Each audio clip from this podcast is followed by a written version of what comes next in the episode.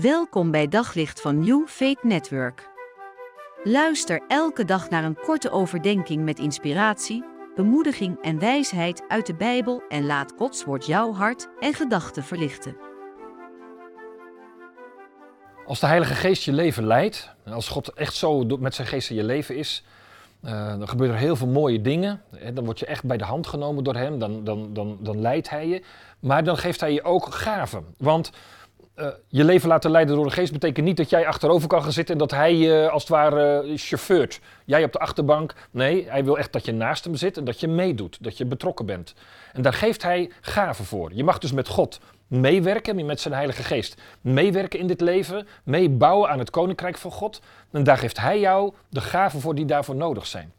Er staan heel veel mooie stukken over in de Bijbel, over wat God jou allemaal geeft om, om dicht bij hem te leven en om daadwerkelijk zijn koninkrijk te kunnen bouwen. En in een van die Bijbelgedeelten, dat is 1 Korinthe 12, vers 11, zegt Paulus: Al die gaven worden geschonken door één en dezelfde geest, die ze aan iedereen afzonderlijk toebedeelt zoals hij wil. Met andere woorden, niet iedereen heeft dezelfde gaven. Er zijn heel veel verschillende gaven, dingen die God je geeft, waar je goed in bent, waar je een, een speciaal talent voor krijgt om mee te bouwen aan zijn koninkrijk. Maar dat verschilt heel erg. En het mooie is dat in de Bijbel staat, we hebben elkaar daarom heel hard nodig. Want de een heeft deze gave, de ander heeft een andere gave. En samen vormen we dat complete pakket. En daarom is het ook zo mooi als je, als je, als je verbonden bent met, een, met andere gelovigen. Want je hebt elkaar nodig om een totaalpakket te vormen om mee te bouwen aan het koninkrijk van God.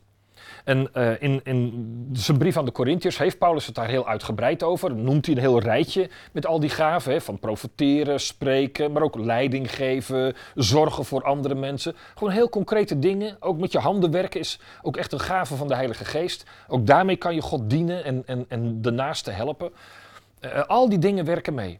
Maar dan zegt, zegt, Paulus er wel bij, als hij in 1 Korinthe 12 dat rijtje heeft opgenoemd, zegt hij, maar wacht even, voordat je hiermee aan de slag gaat, 1 Korinthe 13, als je het niet doet vanuit de liefde, heeft het allemaal geen enkele zin.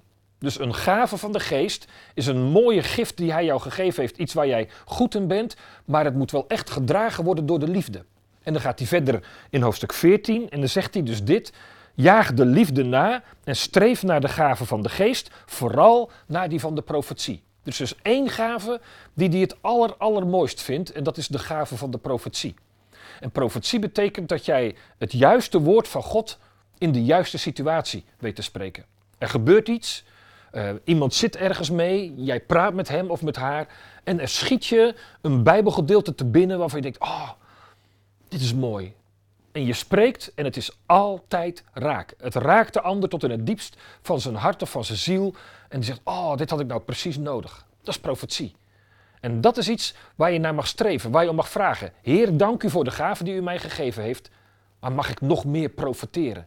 Het juiste woord op het juiste moment tegen de juiste persoon zeggen. Daar verlang ik het meest naar. Op zoek naar nog meer geloof, hoop en liefde.